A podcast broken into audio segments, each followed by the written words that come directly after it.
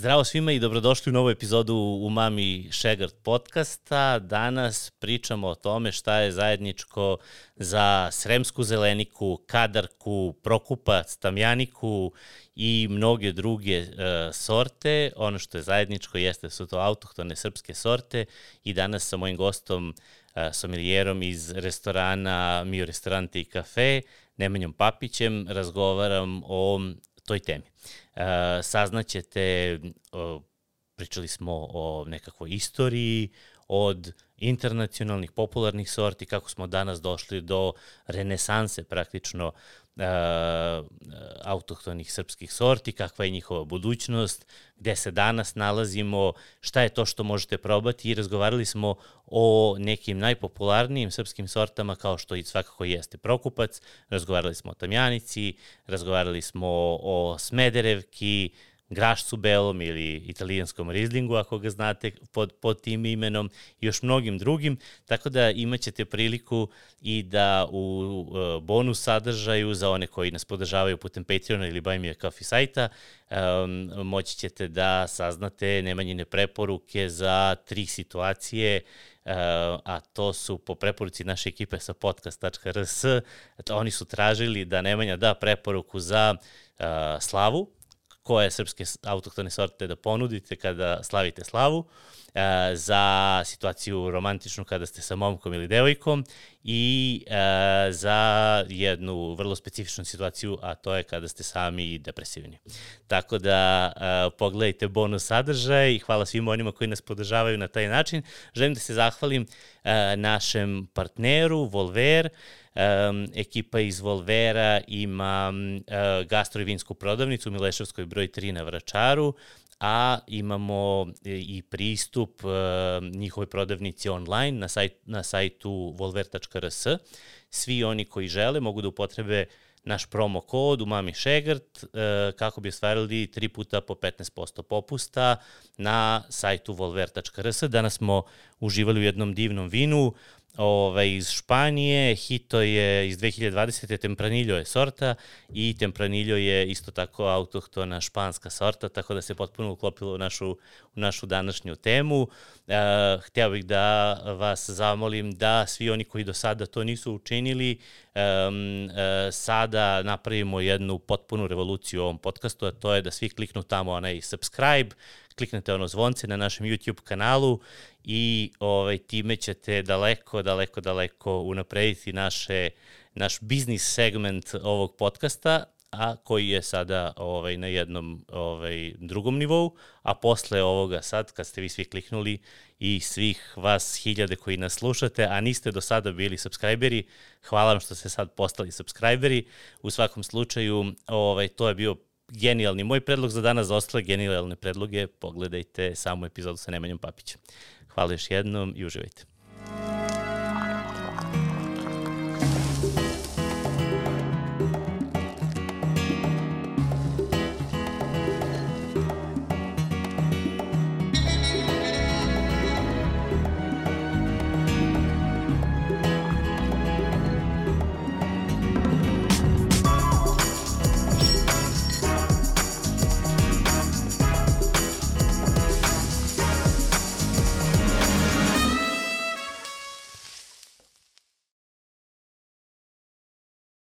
Dobrodošao u podcastu Mami Šegrt.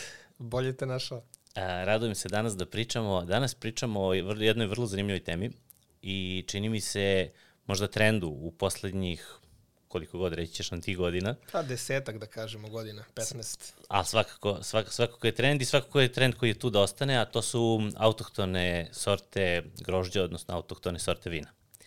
Um, drago mi je da si ovde i radujem se da, da ćeš baš ti da nam pričaš, da nam pričaš o tome. Odakle da krenemo? Ajde da, ajde prvo da razjasnimo šta znači autohtona. Šta, za kako? Pa to, od početka. Od početka je uvijek najbolje. I od početka, dobrodošao. Živjeli. Pijemo jednu, je li tempranillo? Autohtona sorta, španska. Španska jeste. To, to, nije naša, da, da, da. Pijemo jedan jeste, tempranillo, jeste. fini. Tako fin da, ovaj, eto, uklapa nam, se u, uklapa nam se u temu čak. Uklapa se. Ne, ne, Ako ne, pričamo ne namerno. o Španiji. Ako pričamo o Španiji, da, da, mi pričamo o autohtonim srpskim. Ovaj, sad, autohtono objasniti je u principu prilično jednostavno. To je termin koji se odnosi na nešto e, što označava određeno poreklo sa određenog podneblja, tako reći. I poteklo je sa tog podneblja. Uh -huh. E sad, kod nas se i za neke sorte koji izvorno možda i nisu nastale na prostorima Srbije, e, dodaje taj termin autohtono. Uh -huh. e, naj, ajde kažemo, najbolji primjer je tamjanika. Za tamjaniku 90% ljudi tvrdi da je autohtona, međutim, ona je došla onako, da kažemo, malo južnije dole sa nekih ostrava iz Grčke i tako ovaj, se nastanila na našim prostorima, ali odomaćila se jer je tu, ajde kažemo, stotinama godina unazad.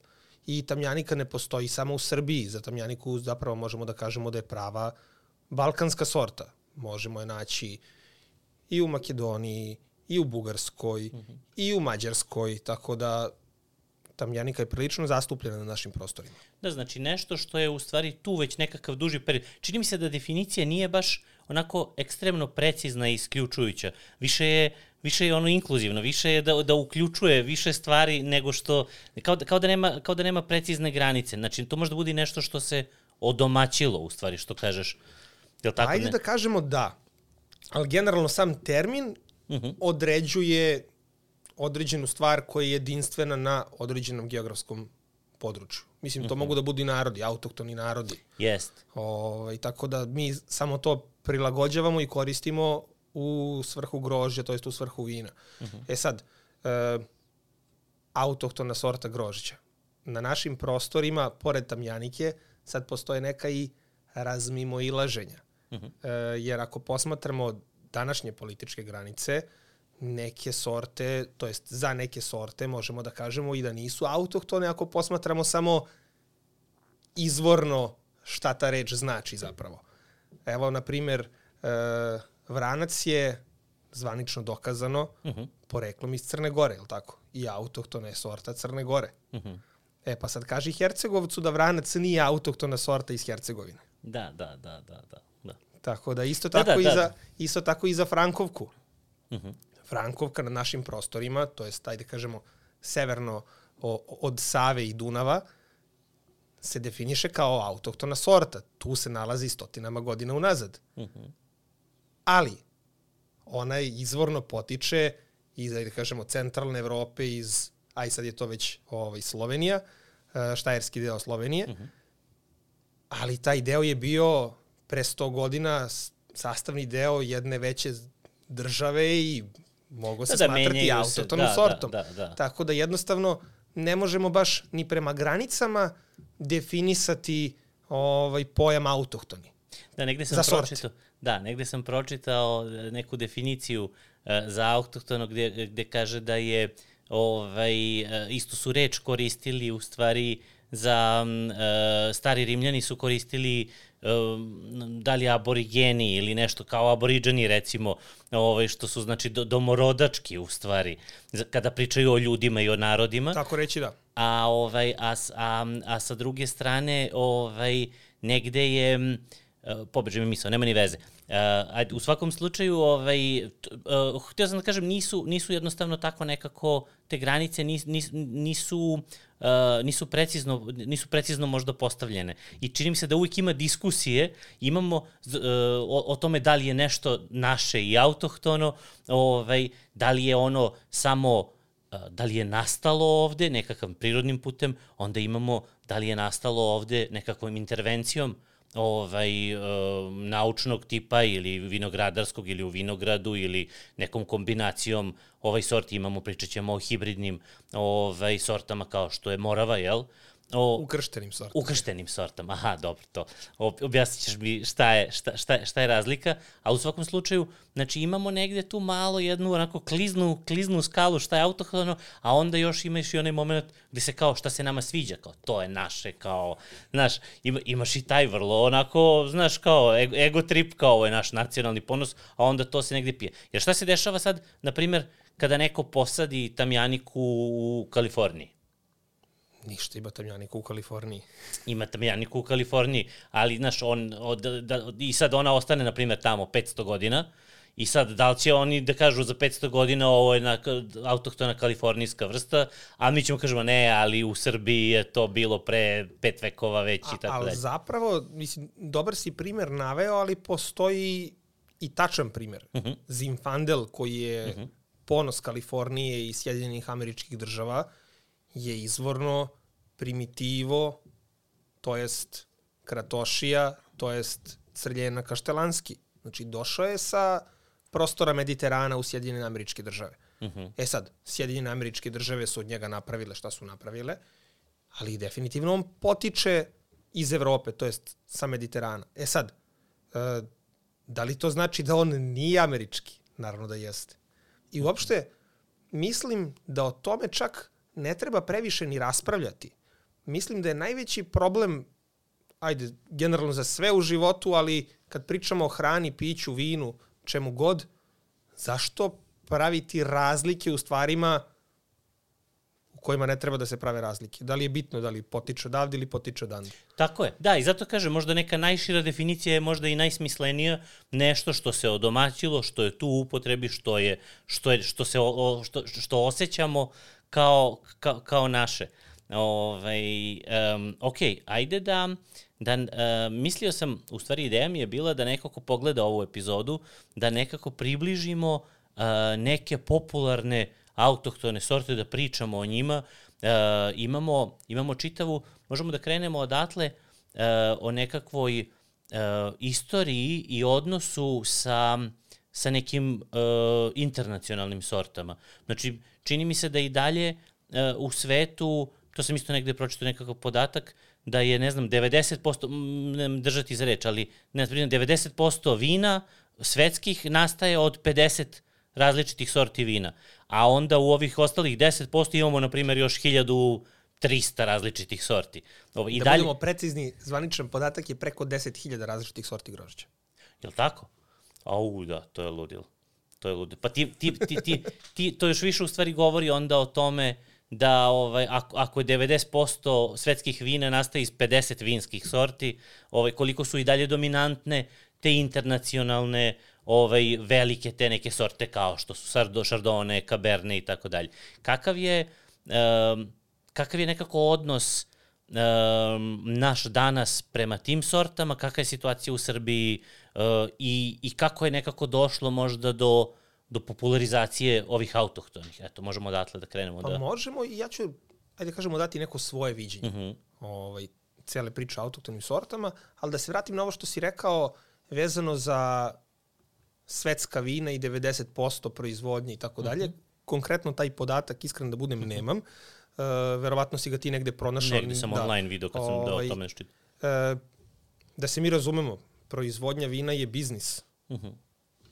I kada pričamo o biznisu, ljudi gledaju ono što se prodaje i što je većini ljudi poznato, što je već na neki način i popularno i deklarisano i tako dalje. E, I samim tim opredelit će se za nešto što je nekome već poznato. Da ne Možda trebaš... i lakše i da se proizvede. Između ostalog je to. Chardonnay može da se gaji bilo gde na svetu. Znači, nije pretarano bitno da li je toplo, da li je hladno, da li je ovako, da li je onako. Chardonnay je, možemo reći, najpristupačnija sorta za uzgoj na, na svim meridijanima. Sauvignon Blanc takođe. Sauvignon Blanc imate i u, i u Evropi, i na Novom Zelandu, i s druge strane uh, Južna Amerika je takođe ovaj, prilično, prilično zasađena Sauvignonom, tako da mhm. ima, ima na raznim meridijanima tih sorti koji su već na neki način uh, poznate ljudima. I zašto sad to menjati? Ljudi, ljudi koriste brendove za, jel te, lakšu prodaju, a sorta predstavlja određeni brend. Uh -huh. uh, e sad, ako ulazimo u dubinu, ako pričamo o pravim, aj ne mogu da kažem poznavaocima, ali ljubiteljima vina koji svakodnevno istražuju, uh, ne boje se da probaju nešto novo, uh, putuju svakodnevno takođe, gde god da odete, nećete piti ono što već pijete kod kuće, nego ćete se potruditi da probate nešto što je autentično i specifično za to podneblje gde ste zapravo došli. I sad, kroz tu sortu vi zapravo vraćate sećanja na ta putovanja, te trenutke, te emocije koje ste proživeli i tako dalje i tako dalje. I na neki način dolazimo do toga da zapravo kada se sve to sklopi, ti uđeš u srž toga kakva je ta sorta zapravo, šta ti od nje očekuješ, daješ joj šansu. Uh -huh. uh, XY puta se meni desilo da probam u nekoj vinariji neko vino i u toj vinariji ta sorta grožđa i to vino mi ima nekog smisla. I potrudim se da je razumem. Kada je preporučim nekom drugom, isto, ajde, da, da li to bio kolega, da li to bio neko ko isto da kažemo u vinu, uh, kao, pa nije meni baš nešto leglo. Tako da za razumevanje vina treba, ajde kažemo, više različitih, više različitih stvari da se, da se, da se poklopi. Evo danas sam baš sa, sa, sa Milošem i San Trejda pričao na temu, e, na temu Rioje i apropo, tradicionalisti i modernisti. E sad, ti da bi razumeo tradicionaliste, moraš da probaš XY Rioje i da probaš XY tradicionalista, da pokušaš da razumeš njegovu filozofiju i da kažeš, u, pa ovo je baš simpatično i da sledeći put tražiš to u tim vinima. Uh -huh. A da nekome ko nema nekog prevelikog iskustva sa širinom Rioje, poslužiš tradicionalnu, tradicionalnu Riohu, će ti kaže, pa vidi, nisam ja to nešto ovako zamišljao, ne sviđa se ovo meni. Tako da, sve te neke, ajde kažemo, unikatnije stvari zahtevaju i određenog, ajde ne mogu da kažem staža. predznanja, ali da, to je prava reč, hm. staža. Mm -hmm. I razumevanje i širine. Da ti ja. dozvoliš da ti se nešto svidi. I to je proces neki koji se, koji se negde dešava i kod nas ti, sa Tako pojavom je. autoktonih sorti. Vidi, napravit ću, napravit ću poređenje. Ukusi se razvijaju. Mi svakodnevno testiramo svoje ukuse. Mhm. -huh. I na ukusima treba da se radi. Najbolji primer za to su pihtije. Ko je jeo pihtije sa 7 godina? Ni sa 17, ni sa 27 uglavnom. Kažu preko 30. Dolazi. da dođe, da, da. Tako je, tako je i sa, ajde kažemo, autoktonim sortama. Specifičnim autoktonim sortama. Tamljanika uh -huh. se svima sviđa. To je mhm. nemoguće da ti se ne svidi. Tako je, da, Tomjanika je u stvari ono savršeno početničko vino. Tako I populističko, u najpozitivnijem smislu te reči. Ja uvek pričam za Tamjaniku, ovaj, uh, mi smo u nekom trenutku imali u školi Tamjaniku od uh, sestara Aleksić i, ovaj, i žuti svet, pokušam da setim kako se zove, žuti svet. I, ovaj, I sto puta mi se desilo, uvijek mi je bilo to onako simpatično, dođu sad neki gosti, mi im poslužimo i oni dođu i ono što kaže, provrte čašu, svi znaš, vole da vrte čašu, pomirišu i kažu, jao, što vam je divno vino. I, a nisu ga još uvijek probali. Znaš, jer kao divno im miriše, to se sto puta desilo. I, onda, I zato sam je i držao negde, zato što je to nešto što će da se dopadne većina, ti objektivno napraviš presek, ono na populaciji 95% ljudi je, su početnici u vinu. Vino je i dalje niša, jedna, jedna, jedna ozbiljna. I tebi onda 95% gosti uglavnom će da im se svidi tamjanika. Oni koji su ozbiljni i iskusni ili vole da misle da su ozbiljni i iskusni, uglavnom mi se neće dopasti jer će kažu, ma to smo prevazišli, ali mislim ima i, ima i ozbiljnih. Skoro sam pio super tamjaniku i baš mi se dopala ovaj, deveto nebo. Ove, ne znam da li si... A, jesam, jesam. Da, Dragana. Da li si pio, ne znam. Da. Ove, pio sam i baš nisam očekivao da je tako i sveža i suva skroz Kino, i onako baš je, baš je skroz, skroz ok, nije, nije ono naš cvetno i, i zova i ostalo. Tako da, ali pričat ćemo, pričat ćemo o tamjanici. Znači, imamo u principu, kada, kada, kada negde počinje u Srbiji ovaj, ta neka renesansa, jer to jeste renesansa, te sorte su bile prisutne tu, je li e, tako? Tako je. I, I to je nešto što, što mi malo pre pobeglo, a to, mhm. a to valja pomenuti. Autoktone sorte su super uh, za određeno pokazivanje istorije nekog podneblja. Uh, mi definitivno jesmo istorijski i poznata i priznata zemlja, uh mhm. -huh. s tim što da određeno, ajde da kažemo, prethodno društveno uređenje je malo napravilo prekid u tradiciji. Uh, za vreme bivše Jugoslavije mi jesmo bili ogroman proizvođač. Jugoslavija je bila četvrti proizvođač na svetu ovaj, vina. E, po količini? Se, da, da, po količini, mm -hmm. po količini, ali mi tu pričamo o nisko kvalitetnim vinima. Mm -hmm. Naravno, ti kombinati su radili e, određene specijalne serije, ali to normalnom stanovništvu nije bilo jel te, Da, da, dostupno. da, dostupno, Tako je, tako da, je, da. tako je. I sa tim, kako je država, jel te, propala, tako su propali i kombinati, to jest nisu uspeli da naprave e, model prilagođavanja baš kako treba. I početkom 90-ih kreću sa radom te neke manje privatne vinarije, jer sada vam je zakon omogućio da možete da se bavite svojim poslom, a, ako pričamo o proizvodnji e, vina. Tako da, kada posmatramo taj period, mi smo zapravo jako mlada vinska zemlja. To je koliko? 30, 30 godina. 30 30 godina. godina. Tako da u 30 godina možemo reći da tek počinjemo. Ti za 30 godina tek možeš da vidiš, aha, posadili smo neke nove vinograde, sad su tek dostigli tih famoznih 30 godina, pošto uh, I to tekovi što su počeli tada. tako je, tako je, tako a je. mnogi su počeli mnogo kasnije. Dobro, ima i nekih starih zasada od ranije koji su se nasledili, ali ti tek sad dolaziš do toga da vidiš, aha, ovi položaji su dobri, oni položaji su dobri, postoje ljudi koji su sadili u Negotinskoj krajini Pinot Noir, što nema nikakve veze sa logikom, pa se onda kroz vreme pokazalo da to baš i nije neka pametna odluka. Pričamo o, o toplim mikrolokalitetima. E, tako da moralo je vreme da prođe. E sad, kako se to desilo? Kada su počinjali, mahom su se svi odlučivali za internacionalne sorte. Neko će se da kaže, pa da, uvek je svima draži i tako dalje. Međutim, ako pričamo o nečemu što se zove posao, ulaganje u posao, ti nemaš vremena da kupuješ mačku u džaku, sad da se pravilno izrazim, ti ne znaš koji su kvalitetni klonovi domaćih autoktonih sorti, jer se na tome nije radilo. I onda odlučiš da kupiš adekvatnu selekciju nekih internacionalnih sorti i da time istupiš na tržište pred ljude koji već poznaju internacionalne sorte grožđa. Ljudi su do pre 10 godina mislili za Prokupac da je kiseo. da napravimo paralelu samo.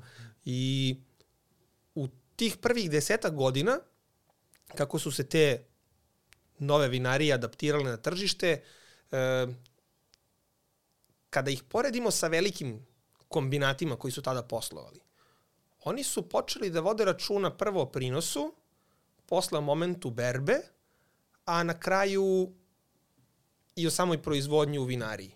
Ako pričamo o velikim kombinatima, to je period vremena kada su oni o tome malo manje vodili računa. Ne znam, u određenom e, doba avgusta se bere ta i ta sorta, ok, beri sve. Da li je svaki deo vinograda sazreo, da li, e, da li je svaki dostigo tu neku e, zrelost koja je potrebna za, za proizvodnju, to je sad upitno. I samim tim su se mali vinari već pozicionirali kvalitativno jako visoko ako ih poredimo sa tim većim kombinatima. Što im je dalo dobar vetar u leđa. Dobar što je, start. Tako je, dobar start, što je dalo dobar vetar u leđa i nekim drugima da uđu u... Mhm, Da vide da je okej. Tako da, da, može, da vide da, da je okej. Okay. To jest, dosta tih, e, dosta tih ljudi je zapravo radilo to za sebe, za komšije, za nekoga. Međutim, to je bio period vremena kada se videlo, aha, vidi i oni sad tu nešto rade, prodaju. Neko, je, ne, neko, je, neko je uradio onu famoznu kao čekaj, čekaj, koliko puta, koliko ga košta, puta 2 evra Tako po je. boci, puta ovo prodaje za 8, ou, kao, znaš, I kao ovo, vidi, ovo je dobar biznis. Mislim, da se razumemo, prvi, zvanično prvi, prva privatna vinarija vinarija Radovanović, uh -huh. mala vinarija Radovanović, koja više Mhm. Mali nije... To, mali podrom Radovanović, tako je, koji više nije toliko, nije toliko mali. Ovaj, ali nakon nje dolaze Aleksandrović, dolazi prvi bili, jel da? Radenković. Da, da, Radovanović je bio prvi. Uh, e sad, Radenković je prvi koji je krenuo sa autoktonim sortama grožđa. To je sortom je sad grožđa. Prokupac. Prokupac. Da, Carigrad, famozni, poznati prvi, ovaj je, prvi je zapravo kupaža uh, Prokupca i Gamea. To su imali u, u istom vinogradu. Uh -huh. Tek nakon toga se došlo do toga da se Game zameni sa kupažom Merlot i Cabernet Sauvignona. Uh, Jel ima toga još negde? Carigrada, ja, ja ga pamtim kao neko jedno od prvih vina koje sam ja kao u tom trenutku onako mladi, mladi nepoznavalac vina, kao probaš i kao, u, kao ovo je dobro, kao, znaš, kao, de, to, šta ću pijem? Daj Carigrad, kao, to mi je, znaš, to mi je asocijacija na Carigrad. Jel, jel ima toga, možda još ne, neka arhivska boca ili nešto? ima, Može se naći. Neko ima, mi je pričao da je pio nešto. Ima gvozden, ima gvozden još par boca sigurno. Ima Aha. moj kolega Nenad jednu ili dve boce. Koje su to, koje su to godine? Pa da li treća, da li četvrta, Gvozden verovatno ima nekih više ovaj, variacija na temu. Verovatno u vinariji postoji još neka količina da li, tih, da li, tih da li ima boca. šanse da je to, da je to ovaj, preživjelo? Da, da... Da li je živo? Aha. Pa to je neverovatno. E, pre, sad ću ti Jer sad je to već ozbiljnih 20 godina, znači. to je ozbilj, to je zapravo e, pokazatelj da Prokupac može da živi e, i to, to je Da bio eksperiment koji smo, koji smo e, pokušali da uradimo i on se zapravo pokazao kao uspešan. Pre par godina dolazio je u Srbiju, udruženje sommelijera Srbije Sersa je dovela najboljeg trenera za sommelijere, e, gospodina Sorena, e, i okupili smo ljude iz regiona na tim, ajde kažemo, treninzima i tako dalje i svako iz regiona je predstavljao svoja vina, autentična vina, šta su i tako dalje. I mi smo naravno predstavljali autoktone sorte.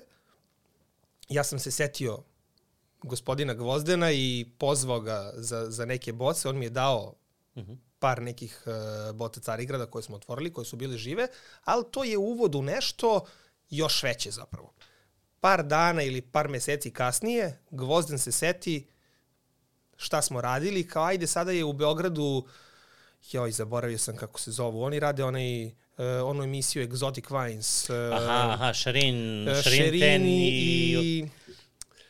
Sramota Nema veze, ne sramota, ali Da, da, da. Uh, Matthew, Matthew Matthew, Horke. jest, jest, I da. ovaj, kao oni su u Beogradu, ajde da otvorimo uh, da otvorimo neku arhivu Radenkovića, Gvozden doneo vina, tu je bio, ne znam, Toma Ivanović, pozvali smo još par nekih ljudi i ti ne možeš da zamisliš. To je, ne znam, ono, Carigrad iz 98. Uh, 2001. 2003. 2004. Mislim, ne samo Carigrad. Uh -huh. Riesling, vina koja ono, kad smo otvarali, kad smo probali, koleginica Mina sluša šta Gvozden priča i ono u momentu počinje da plače. Znači, on ne može da veruješ koja je ona emocija.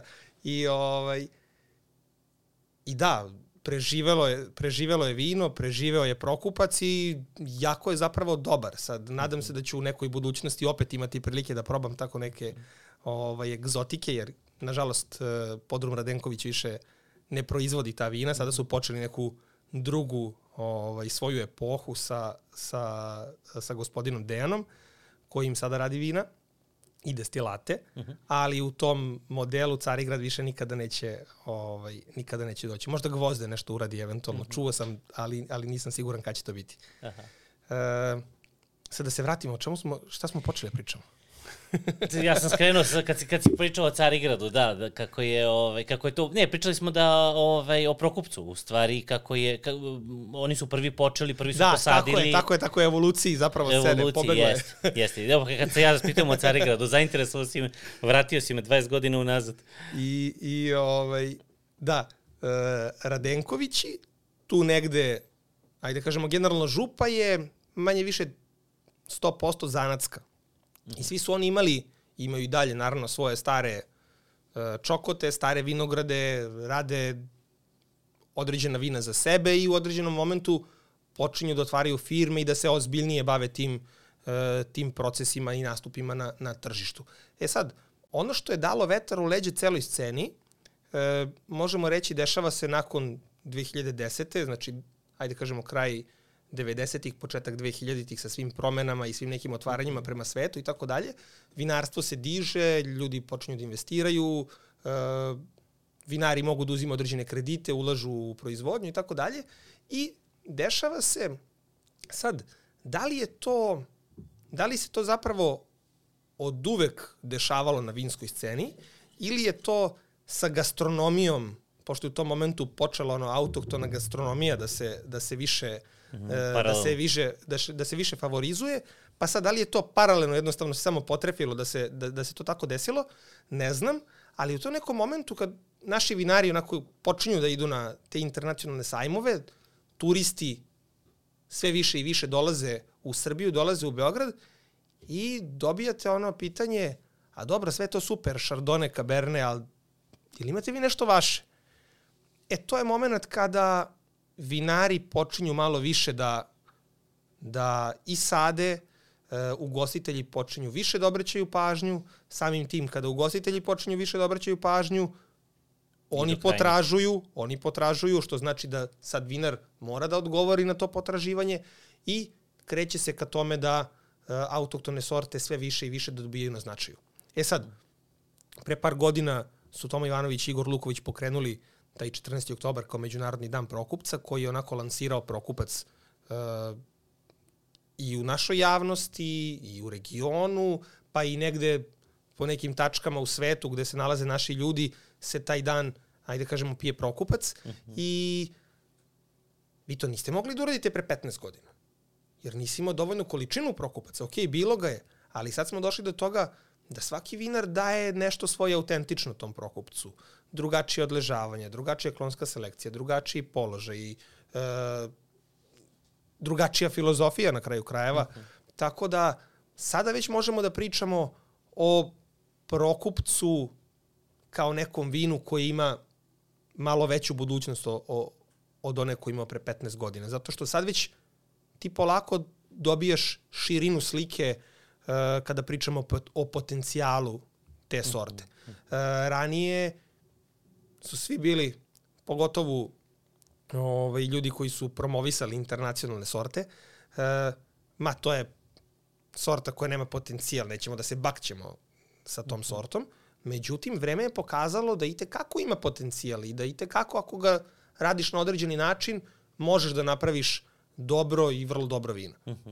-huh. Pričat ćemo posebno o, o, o Prokupcu, za sad bi volio nekako ovaj, da ispratimo taj ceo tok. I čini mi se da se onda sad, sad pomenuli smo ovaj, juče kad smo, kada smo razgovarali, uh, i taj ovaj, Kikin ovaj, uh, sajam vina Teroar, koji je sad ovaj, izlo, izložba u stvari sr, srpskih autohton ili autohtonih vina, jel? Pa ima tu i vina koja su malo drugačija aha, i vina iz aha, regiona, uh mhm. -huh. ali izvorna... Ali u svakom slučaju došli smo do toga da, da, mo, da može da postoji jedan festival. Izvorna ideja tog festivala je da se pokažu autohtone, autohtone sorte i da se izdvoje kao nešto značajno za svaki mikrolokalitet odakle dolaze, jel te? Hoću da kažem, to je, to je nešto što imamo danas i to je sad kruna tog razvoja o kome pričamo, gde se umeđu vremenu pojavljuju ovaj, vrlo zanimljivi ovaj, vinari, proizvođači kakav je Oskar Maurer, ovaj, koji tek... To je posebna priča. da, ali koji, ko, koji negde u stvari krunišu to priču o starim sortama, postaje, postaje čini mi se, postaje modern i što je negde i, i logično. Ti kad odeš u Francusku, ti ne tražiš fish and chips, da jedeš, nego pitaš dajte mi francusku supu od luka kad si u Parizu. Znači, i tako dalje, i tako dalje. Ti kada dođeš, isto tako važi i za vina. Znaš, da li je, ovaj, uh, meni, meni je to u stvari skroz logično da ti negde, kada, kada si negde, bilo da si turista, bilo da si ti tu, domorodac, što kaže, ovaj, uh, da, da s jedne strane i da se ponosiš i da predstavljaš sve ono što je, što je autentično tvoje. To autentično tvoje može da bude ili u pravcu teroara, što, što je priča o kojoj ne pričamo danas, ali to možeš ti onda da kažeš, e, ovo je kaberne iz župe. I on ima svoje određene karakteristike, kakve nema ni jedan kaberne na svetu, zato što je vezan za taj teor, za teror, može bude bolji ili loši, ali to da ne pričamo o teroru, pričamo baš sad ono što kaže o sortama, ovaj, i onda logično je da se ti tim sortama negdje predstavljaš i hvališ i gde, kad kreće ono baš ekspanzija? Ovaj, Pre deseta godina. Deseta kažem. godina, jel? Pa da, ima deseta godina. Najviše kreće kada uh, određene vinarije, počinju, malo više od deseta godina, počinju da kapiraju značaj autoktone sorte, značaj starog vinograda uh, i to kombinuju sa brandingom, marketingom i tako dalje. Uh, ajde kažemo, najpre bih tu pomenuo vinariju Temet i vinariju Budimir, uh, koji su prepoznali značaj svega toga i bili nekako pioniri. Pritom, vrlo hrabro su istupili sa fokusom samo na autoktonim sortama. Uh, većinski autoktonim sortama. U, u celom svom portfoliju. Tako je, tako znači, je. Znači, ne da je to je. samo još jedna Ne, sad kao imamo, e, ali kao probaj i našu tamjaniku. Ne, ne, ne. Naš portfolio je zasnovan na autoktonim sortama. Mhm. I tu se videlo zapravo da to ima određeni potencijal. To je da sa tim sortama može da se radi. Uh, u tom momentu 90% potrošaća te famozne tri morave koje je postalo onako brend za sebe, nije znala šta pije. A daj mi temec, daj mi tri morave. To se postavilo kao brendi, nisu ni znali šta piju, šta se unutra nalazi. To je tek posle počelo da dolazi... Da se odmotava klupko. Da se odmotava, kao, pa kao ovo je naše, kao, znaš, pa...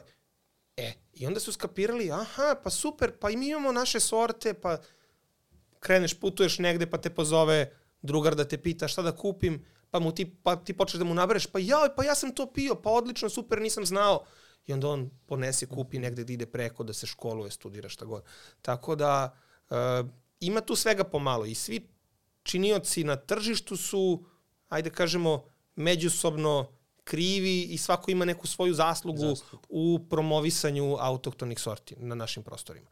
A kad smo se dotakli gastronomije malo pre, uh, mislim da celu tu priču gastronomije i tekako prati i trendovski, a i nekako čudno je kad nešto što je neko pravio, trudio se nečiju kreaciju, ti jedeš samo za sebe. Potrebno ti je neka, potrebna ti je neka druga kreacija. Mm -hmm. ovaj, tako da to su neke dve stvari koje se međusobno poboljšavaju, dopunjuju. Koliko misliš da ima sad kad smo došli na, na tu temu, koliko misliš da ima, ti se znam da se puno baviš kroz, kroz svoj posao i već dugo godina, ove, između ostalog i uparivanjem hrane i vina, i ovaj, pričao sam dosta o tome, o tome sa Vukom, ali sad u kontekstu um, u kontekstu autohtonih sorti, koliko ima smisla, a sigurno ima, uparivanje tih nekih autohtonih sorti sa namirnicama iz lokalnog, da, da se nekako geografski poklope ovaj, i, i hrana i, i vino.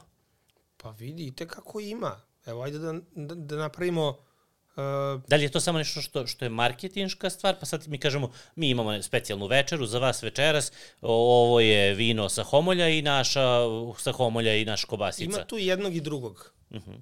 Ima tu jednog i drugog, ali moramo opet da znamo da ako smo to na homolju počeli da pravimo pre pet godina, sad dao si ti primer pa samo odgovaram, ne mhm. odnosi se ni na koga da se, da se mhm. razumemo, ovaj, a tu postoji neko vino koje je staro taj vinograd je star 50 godina i tako dalje, ne znači da će se to baš poklopiti. Znači, ne znači konkretno ako si ti došao i napravio tu nešto da će sad to da, da se da, podrazumeva da je po, definiciji. po, po defaultu da se, da se međusobno slaže. Ali ajde da ono što svi znaju. Svi znaju za ćevape, svi znaju za ajvar i svi znaju za prokupac. Kada malo ćevapa iskombinuješ sa ajvarom i probaš prokupac pored, to je senzacija. Mm -hmm. Ozbiljna senzacija, jer imaš određenu, ajde kažemo i određene začinske note, postoji masnoća, e, ta paprika, taj ajvar jako lepo ide sa začinima koje, koje uglavnom prokupac ima. Mhm. -huh. Tako da jako, jako dobra kombinacija. E, sa druge strane, kada pričamo o, o vojvođanskim vinima, o vojvođanskim crvenim vinima, voćna, malo izraženija kiselina i tako dalje, izraženija kiselina i ta voćnost jako lepo ide uz gulaše koje dolaze sa tog lokaliteta, da kažemo. Pogotovo ako su od divljači. I neku masnu pršuticu. e. od mangulice. neku. Jel, mislim, aj sad kad si pomenuo, to da. moram da kažem, crvena vina i pršut ne idu baš najbolje. Ne, jel? Da, da, da. Bez obzira, Zato... iako je neka svežije kao.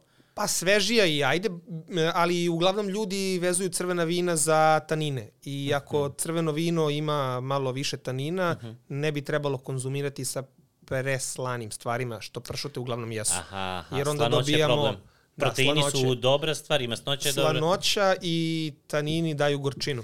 Aha. Neprijatnu gorčinu, tako aha, da to aha, nije dobro. Zbog slanoće, zbog da. slanoće. Ovaj, e, da li sad, razmišljam sve vreme dok pričamo, negde smo se uhvatili za taj Prokupac. Uh, da li Prokupac jeste najveći nekako danas brend uh, srpski u, iz perspektive autoktonih sorti? Ako ga posmatramo kroz autoktone sorte, definitivno da. Uh. -huh. Definitivno šta bi, da. Šta bi, šta bi bio još, šta bi bio prvi sledeći? Temjanik? Pa da. Ali... Mislim, onako pričam generalno, ne mislim na neku tabelu, nego kakav, kakav ti je utisak najzastupljenije, najzastupljenije naj, najpopularnije, najveći Na, ono prepoznavanje, najprepoznatljivije. ako mi pričamo o nekim promocijama i o nekom shvatanju, formiranju e, određenog razmišljanja, prvenstveno na našem, pa onda i na nekim drugim tržištima, ti moraš da imaš količinu. Ne možeš ti da dođeš sa 10-20 hiljada boci i da kažeš, e, super, ovo je moja autotona sorta. Ne ide. Ok, super je da upoznaš nekoga, ali ne možeš da kreiraš nikakvo neko veliko mišljenje o tome bez većih količina. I opet dolazimo na ono što si rekao, tu je potrebno staža u stvari.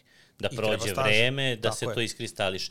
Hajde da, hajde da uđemo priču konkretno o, o, oko Prokupca, jer čini mi se da je tu i negde naj, uh, obzirom da ga ima najviše i nekako najduže je tu, ja koliko sam shvatio, on je tu, on je prisutan na, na podneblju, ajde da kažeš regionalnom ili Srbije i Srbije i neke okoline, jako dugo. Pominje se nešto od cara Lazara, ono kao u čaši cara Lazara pa nadalje. Dobro, to nije baš dokazano. Aha, To, to, to nije baš dokazano, A zvuči dobro. ali, ali ono što je ono što je dokazano Mhm. je da Prokupcu ne postoje živi roditelji. uh Što to znači? To znači da je izuzetno stara sorta. Ne mogu da mu se nađu. Da li su oni izumrli u periodu onom filoksere, kada, su, kada je većina vinograda Otišla, da? otišla, ili je to bilo ranije, ili kad god, ali u svakom slučaju... Znači ne mogu, ne mogu da nađu sorte od kojih je nastao Tako je, prokupac. tako je, tako je. Sad, tu postoji, kad, kad su radili genetsko istraživanje, e, i Slovenije su se ljudi bavili uglavnom time i sad došlo se do toga da prokupac ima određene genetske sličnosti sa i sa nekim sortama iz Italije, iz Hrvatske i genetika je čudo. Mm -hmm. ovaj, kako ljudi, mislim što je i logično, pre 100 godina vi niste imali posao preko laptopa. Ono što si sadio si mogao da prodaješ. Kada se seliš negde, nosiš sa sobom ono od čega si do sada živeo. a To su uglavnom ko se bavio jel te proizvodnjom vina, to su sorte grožđa. I kako se kako je stanovništvo migriralo, tako su migrirale i same sorte. E sad, međusobno su one ukrštane i tako dalje i sad to je proces naravno ovaj, izuzetno dug, ali e, ono što se dokazalo je da je e, Prokupac e, jedan od roditelja e, turske sorte, Papaskarasi, a ta turska sorta je jedan od roditelja Kadarke. Kadarku takođe moramo da pomenemo kao našu autoktonu sortu grožđa. Nažalost, nema previše vinarija koje se koje se bave proizvodnjom e, te sorte grožđa. Ili dalje Ona je Vinarija možda- Tonković tu... Vinarija Tonković tu prednjači. Mislim, oni zapravo imaju samo kadarku i oni su se posvetili samo jednoj sorti grožđa. Oni, što oni je- rade u stvari ceo portfolio od kadarke, je li tako? I roze, je. vina i... i... penušavo, i belo, i roze, i crveno. I baš su se posvetili vraćanjem, vraćanju te sorte na, na, na naše tržište i na regionalno tržište, da kažemo. Uh, aj sad opet, da se vratimo na restorani, na potraživanja. Kadarka je čak jedno vreme bila onako prilično zastupljena i u uh, restoranu 360 u Dubrovniku, koji je ono Michelin star restoran, tako da uh, stavili su ga na njihov wine pairing, tako da e, i, i ima tu određenu težinu. Ali definitivno treba još vinarija da se pozabavi tom sortom. Pored Tonkovića tu je Maurer. Maurer čak ima najstariji vinograd na svetu, to jest na svetu, ajde ako pričamo o kadarci, pričamo o, o, o regionu, ali on voli tako da kaže, znaš, najstariji Pa na dobro, svetu. i- pa I jeste, na realno upravo je. E, iz 1880. godine. E, Da, oni su u stvari, njihovi vinogradi su na pesku, pa su, jesu oni, da sam ja dobro shvatio, oni su preživeli u stvari Tako je, oni su filokseru. filokseru, tako je. Uh -huh. uh, vinarija, vinarija Sagmeister, uh -huh. Ernest Sagmeister takođe ima kadarku. Komšiska. Komšiska jeste. Pored te dve možemo slobodno reći i pomenuti, mislim ja i Vranac takođe smatram, našom sortom, iako dolazi uh -huh. sa prostora Crne Gore. Na jugu Srbije uh, postoji dosta vinograda koji su, koji su zasađeni vrancem takođe. Uh -huh. uh, e sad, Da se vratimo, da se vratimo na Prokupac. hajde. Da, da krenemo. Hajde ovako. E, čini mi se da smo dali taj jedan onako malo pregled. Volio bih da o svakoj od tih, makar ovih naj, najzastupljenijih, što kažeš, sorti, ovaj, da malo damo uvid. Neko, verovatno je puno ljudi čulo za Prokupac, ali možda se nisu još uvek odvažili da ga probaju. Možda ne bi poručili, čuli su, aj, uzmem neki kaberne ili imaju neki svoj izgrađen ukus. Ovaj, ajde da damo neke onako osnovne karakteristike Prokupca, šta, šta mogu da očekuju kad poruče Prokupac, koji su to nekako ono, ukusi, Um, šta su, ajde, ajde, ajde da krenemo odatle. Pardon. E, što se tiče Prokupca, sad, e, on ima i određene voćne elemente i određene začinske elemente. Mm -hmm. I za njega kada ga porede sa nekim internacionalnim sortama grožđa, kažu da je neka, ajde kažemo, neki miks sira i pinot noara. Mm -hmm. Da ima određene elemente začina. Je sira širaz? Da. Jeste, dobro. Sira je u Francuskoj i Širaz je u Australiji. Mm -hmm. To je ta neka, da kažemo, razlika. -hmm. uh, e sad, uh, pre izvesnog vremena sam čuo jednu zanimljivu, jedno zanimljive, zanimljivo poređenje i sa tempraniljem čak. Uh -huh. Tako da, da, što je ovo što sada pijemo. Uh -huh. Uh -huh. ali, opet, ako pričamo o poređenju, taj neko mora da zna kakve su to sorte, da bi mogao da uporedi. Šta možemo, šta možemo da očekujemo ono, u smislu aromatskih profila, u smislu ukusa? Začini i voće. Uh -huh. Od voća? Voće. Šljiva, Bob. trešnja, višnja. Bobičasto? Da. Uh -huh, uh -huh. Začini i to je, to je u principu to. Rekao si smatrali su ga, jel on ima visoke kiseline? Rekao si smatrali su ga, ga kiselim? E, pa zapravo, generalno ima, ima dobru kiselinu, uh -huh. e, ali ako, ako se vratimo na taj period vremena, pričamo o visokim prinosima.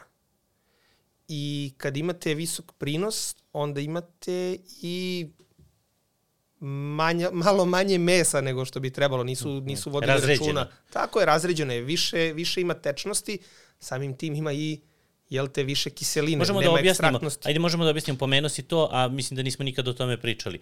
Znači, šta, šta znači ovaj, šta znači vođenje o, o, računa o prinosu u radu u vinograd? Mislim, ukratko, jedna rečenica, samo da bude jasno.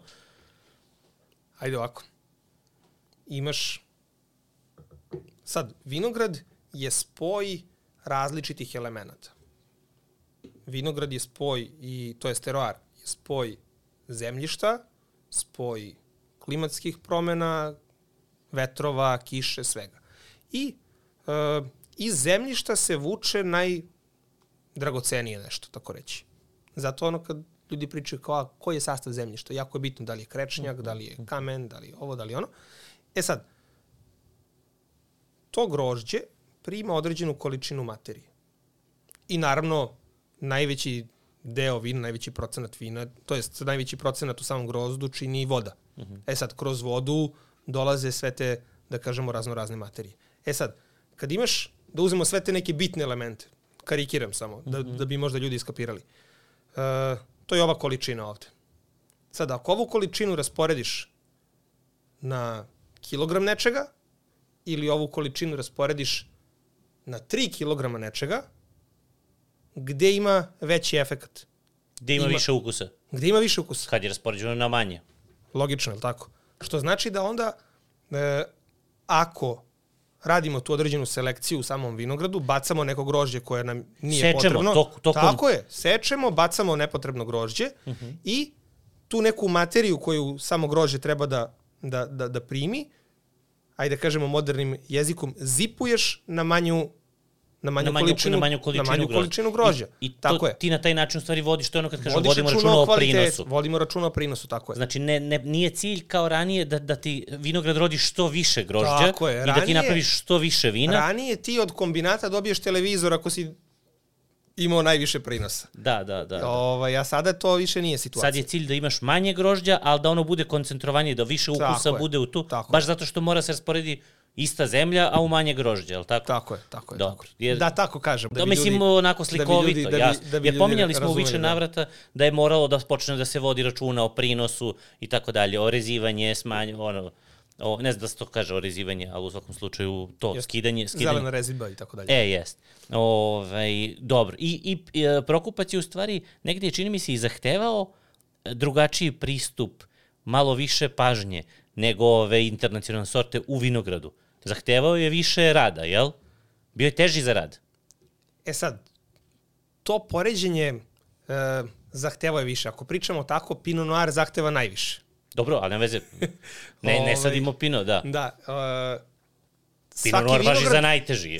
Svaki, svaki vinograd zahteva pažnju. Uh mhm. -huh. E sad, ovde ti treba više pažnje zato što želiš od nečega što nema nikakvu perspektivu u tom momentu kada se radi, da napraviš nešto što, što ima smisla.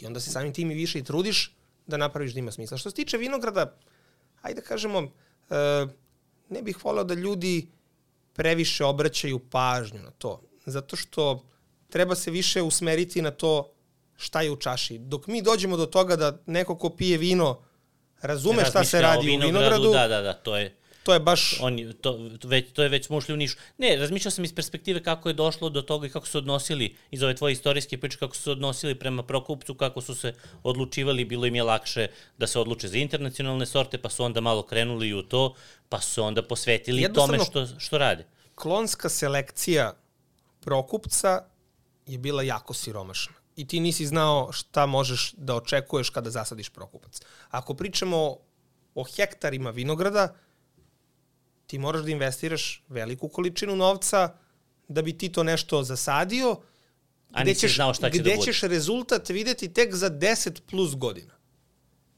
I sad ti, ako vidiš za 10 plus godina to nešto nema smisla, ti si šta ćeš da radiš? Godina, da, da, da, da. čupaš vinograd i da sadiš nešto novo.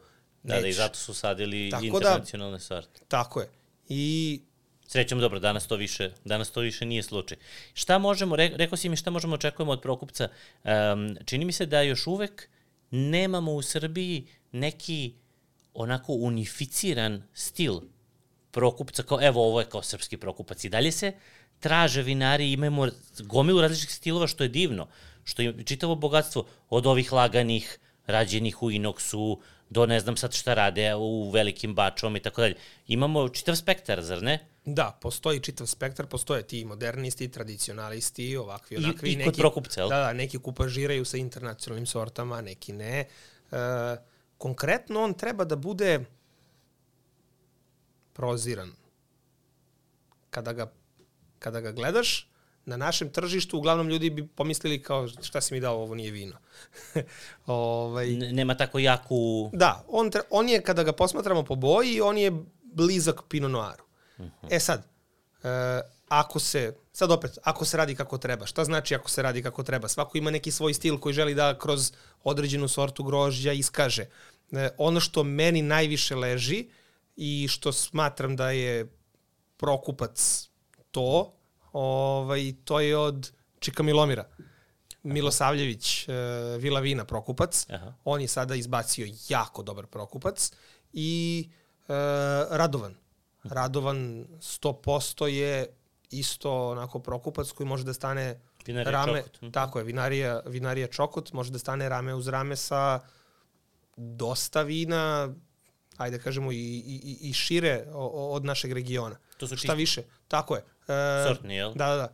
Doduše, Čika Milomir možda tu malo nešto ovaj, e, doda još pored, ali većinski, tipa preko 90% je, mhm. -huh. je prokupac kod njega sigurno. Uh, što se tiče što se tiče Radovana i sad kad smo ga već pomenuli, što se tiče zapravo veličine prokupca, uh, njegov prokupac 100% Radovan je Carolyn Gilby Master of Wine proglasila za jedno od najboljih i najkarakternijih vina uh, sa prostora bivše Jugoslavije, što je onako prilično prilično dobra stvar. Sada da pojasnimo ljudima.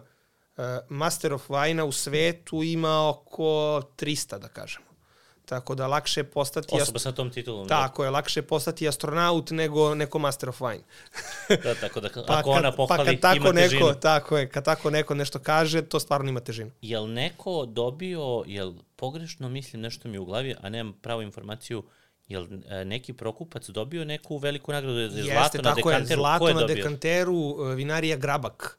Uh, oni su iz Vrnjačke banje uh -huh. i oni su dobili prošle ili pretprošle, pretprošle godine. Dobili su zlatnu medalju na dekanteru. Zlatnu medalju na dekanteru, tako. Naj, možda to je najveće svetskom takmičenju. Da, definitivno najveće svetsko takmičenje i to je zapravo najveće priznanje za, za autoktonu sortu, to je za prokupac najviše na našim prostorima -huh. u Srbiji. Mi sad kad razmišljam, sad, sad kad mi to kažeš, ovaj, znao sam da je neko dobio, ali nisam znao ko je, a nisam nikad čuo za vinariju. Sad da, da. razmišljam da je to trebalo se više pa zapravo, izmarketirati. Pa tu su sad količine, to je, oni Aha. prodaju, oni imaju, sad nisam bio, ali oni valjda imaju neki svoj hotel i neki svoj restoran. Aha. I masu vina oni prodaju zapravo kroz, kroz svoj objekat. Tako da i nema ga mnogo u Beogradu, iskreno da bude. Možda dve, tri vinoteke imaju, imaju ta vina. E, što se tiče, ajde da kažemo, autoktonih sorti grožđa, treba pomenuti i one koje su, ajde da kažemo, malo manje zastupljene. Pomenuli smo Prokupac, pomenuli smo Tamjaniku, pomenuli, pomenuli smo Kadarku. E, pored Prokupca i Kadarke, treća sorta koja se sadila zajedno sa ove prve dve je Začinak. Uh mhm. -huh. Kadarka, Začinak i Prokupac su nekada zajedno sađeni u vinogradima u Srbiji. I vinarije Matalj iz Negotinske krajine sad polako pokušava da vrati tu kupažu i u vino. Sada su izbacili etiketu Bukovski uh -huh. koja je kupaža Začinka i Prokupca i u nekom narednom periodu je plan da se, da se i Kadarka tu negde ovaj, provuče. Što je jako, jako dobra stvar. Mhm. -huh. Začinak je, u stvari, ja znam za onu priču za... da je on dodavan u smislu zato što on ima vrlo intenzivnu boju, jel? Tako je, tako. Mislim, začinak, on je začin. Bukvalno, uh -huh. bukvalno ga Znači, moći ćemo da imamo i prokupac sa, sa ozbiljnom bojom. za, za sve tako ljubitelji. Je, tako je, tako je, tako je. Za sve ljubitelji Caberneta, znaš. ovaj, pa, a to je zapravo, to je zapravo, je, dobro što si to pomenuo. E, kako se prokupac vraćao na scenu, tako su vinari uvideli da naše tržište zahteva ta jaka, bogata i teška vina i onda su prokupac kupažirali sa Cabernetom i Merlom da bi tržištu približili. na neki način približili prokupac. I tek 10-15 godina kasnije mi počinjemo da se igramo sa čistim prokupcima. Da, da, da, vidiš, to je, to je, to je u stvari proces. To je proces, to je proces sazrevanja. To je kad ja objašnjavam Mihajlu kako volim kafu, ali sad bi ja volao da se meni sviđa ona Etiopija, ali mi je kisela previše, znaš. I onda kaže, znam, ali to je najbolje na svetu. Ja kaže, pa znam, ali kiselo mi je. Pa kaže, dobro, onda pitam me, može se ispeče pa spre malo jače, znaš, da malo to bude. Onda shvatim šta sam pitao, u stvari, to je kod meni da neko kaže za biftek, da ga ispečemo skroz, da je to sramota. I onda smo se dogovorili da je, ovaj, da je blendiramo, pravimo blend sa, ovaj, sa Brazilom. Znaš, malo kao izbalansiraš, uvedeš za slepca, ono malo, evo ti pi, malo nije previše kao kiselo, ali onda kao sto kafa kasnije, kakve čista, ovaj, čista Etiopija je tu i sve drugo mi nije, nije dobro. To, mislim, u, to je to, ukus se uči, ono što si rekao u startu. To je to, jest. ukus se razvija i, i, na tome jest. treba da se radi. A pomenuo si i, kad smo počeli da pričamo o tome, pomenuo si i Maurera. Mhm. -huh. Ja sam za Maurera čuo, ja sam završio obuku za somilijera 2012. 2013. sam za Maurera čuo od od ovaj, tada kolege, sad već ovaj, drugara i prijatelja Minje Petrovića, kaže, ma nemaš ti pojma, bre, kaže, pa najbolja tamljanika ti je na Fruškoj gori. Kakav bre tamljanika na Fruškoj gori, znaš, evo me zezaš, na... kaže, pa da, kao postoji jedan ludi mađar, kaže, on kao to svašta nešto, neke sorte koje niko ne zna, niko nema, kaže, on ih ima i on ih čuva. I ja sam tako sa desetak ljudi, spakovali su dva, tri automobila i otišli kod Maurera 2013. godine. Mm -hmm. Prvi put su upoznali tako što sam došao u vinariju, tad je on u nekom podrumu nešto radio, mislim, ono... I meni je bila interesantna ta priča kako je on zapravo istraživao položaje, pošto, jel te znamo, Vojvodina je ranije bila u sastavu Austro-Ugrske, i onda je on, ajde kažemo, preko Budimpešte, pošto, jel te Mađar, dolazio do nekih dokumenta gde se pominju određeni predeli, određeni položaji gde su se sadili vinogradi, koji su bili dobri vinogradi, koji su bili dobri položaji i on sada na tim nekim položajima ima svoje vinograde, ima, ima te neke ovaj, simpatične sorte. E, on je, on je ono čuvar vatre otprilike. A, e, ali bukvalno, on je da. čuvar vatre. E, Bakator, Sremska zelenika, Medenac beli, Mislim, ono, sorte grožđa koje, znaš, ono, druže, nikad u životu nisam čuo za njih. E sad, pored njega, neki od tih sorti grožđa ima i, i, i Erne Sagmeister, uh mhm. -huh. tako da Mađari nam čuvaju sorte grožđa, to je, to je, to je baš cool. Ovaj, ali kroz to neko upoznavanje sa, sa, sa Maurerom sam onda došao i do tih nekih drugačijih vina. Mm.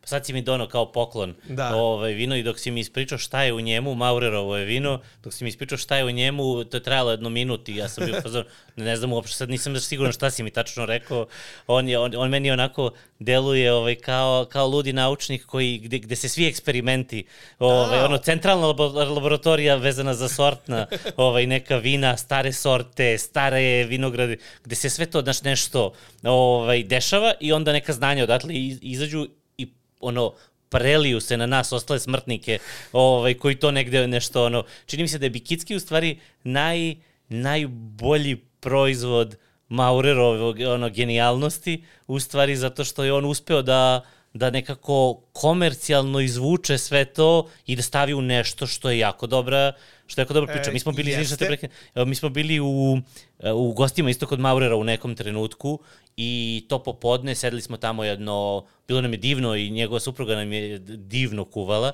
nikad bolju patku ovaj, u životu nisam jeo.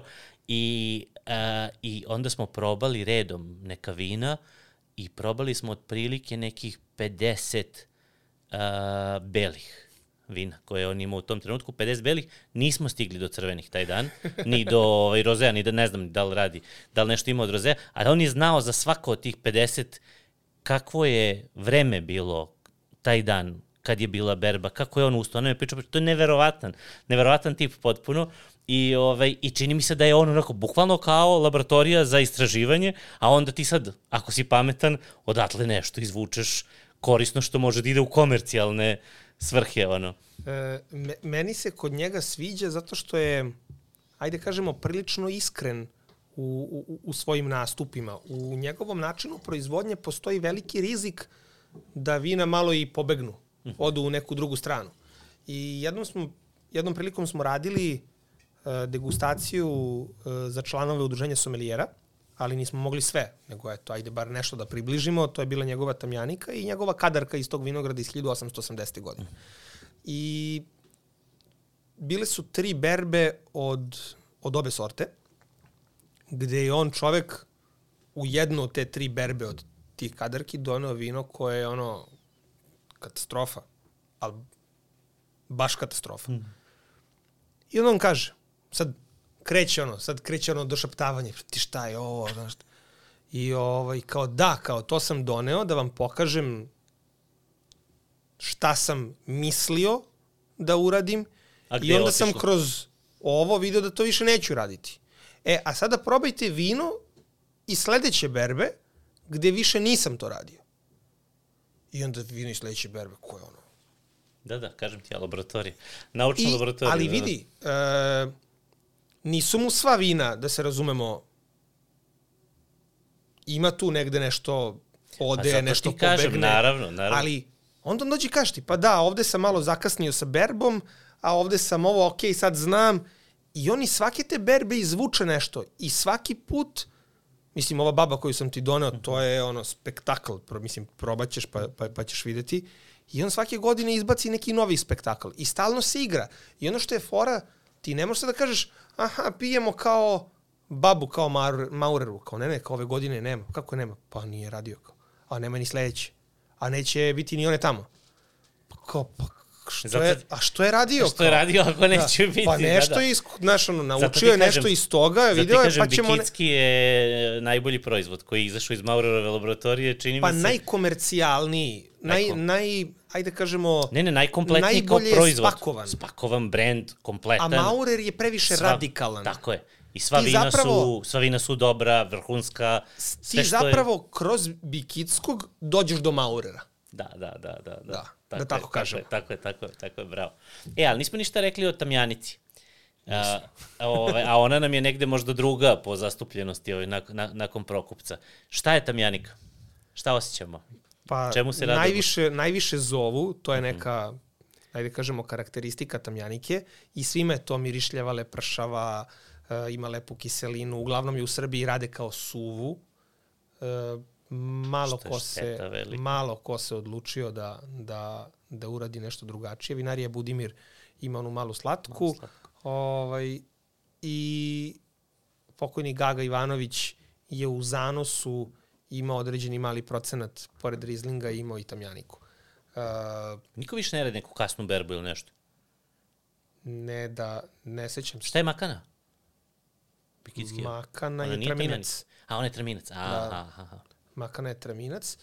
Uh, tako da, da, lepršavo, lepo, sveže, popije se uglavnom u prvih godinu, dve, da kažeš. Osvež... I odlično je Iz vino za... Da, pa, e sad, tu smo opet došli do širine. Mhm. Sad ima i maceriranih, ima i iz drveta, ima i ovakvih, ima i onakvih. Znači sad već ono koliko, 10-15 godina kasnije, možemo da pričamo o različitim tamljanikama. E sad, da li to drvo treba toj tamljanici? Da li to... Mislim da li, da nisam ništa pio što iz drveta. uh, Pio sam macerirane nešto kod Ne, Fića pa ima, u komi. ima, ima Vera Budimirova, ima Aha. Histerezis e, od Jote, e, onda Radovan takođe radi, e, Ivanović tri četvrtine je takođe e, drvo, pio. onda...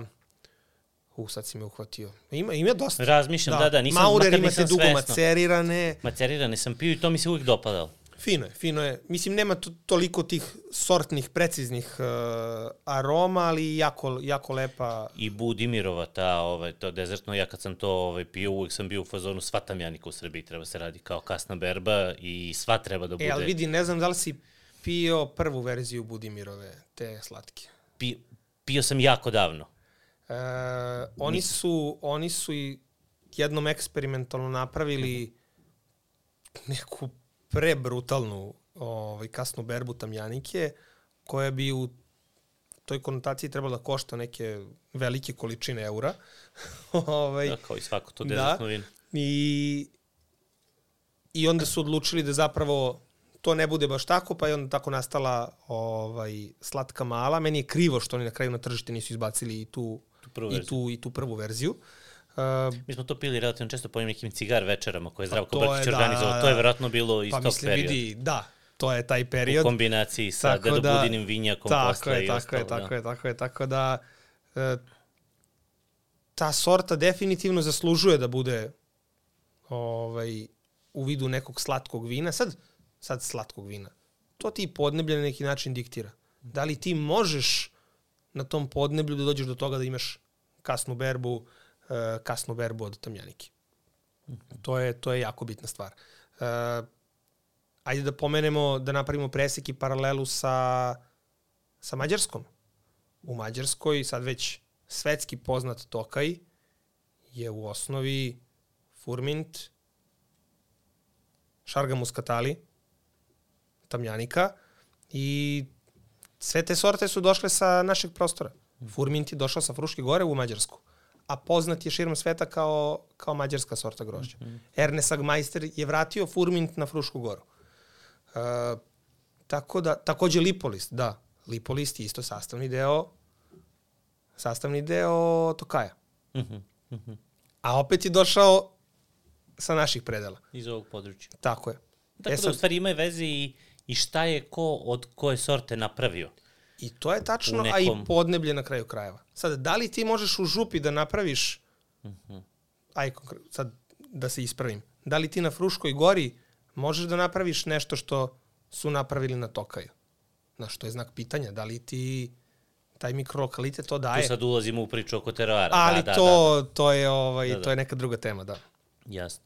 Ovaj, šta nam je još tu, e, znači ajde imamo Prokupac, imamo Tamjaniku, za Tamjaniku smo rekli, znaš šta je meni Tamjanika, znaš, ja sam ubićen da se Tamjanika svima sviđa, ovaj, zbog, upravo zbog tog, um, zbog te zove na nosu, jer, ovaj, jer mislim da nas zova i sir, bar te neke generacije oko moje generacije plus minus 10 I godina. moja generacija. Mislim, A dobro, smo to je to. Odrasli smo na sirupu od zove, čini mi se, mislim, nekako meni to jeste ono što kuvari uvek pričaju kao sad pravimo neku hranu koja vas vraća u detinstvo, to je u stvari ono ultimativni comfort food, čini mi se da je ovo ono comfort wine, znaš kao. Pa generalno kao jeste. Generalno jeste. Imaš i- taj moment, ono, throwback u, u, u detinstvo i to te čini te, lepo ti je, brate. Mislim, od sova, lep, lep je sirup od zove.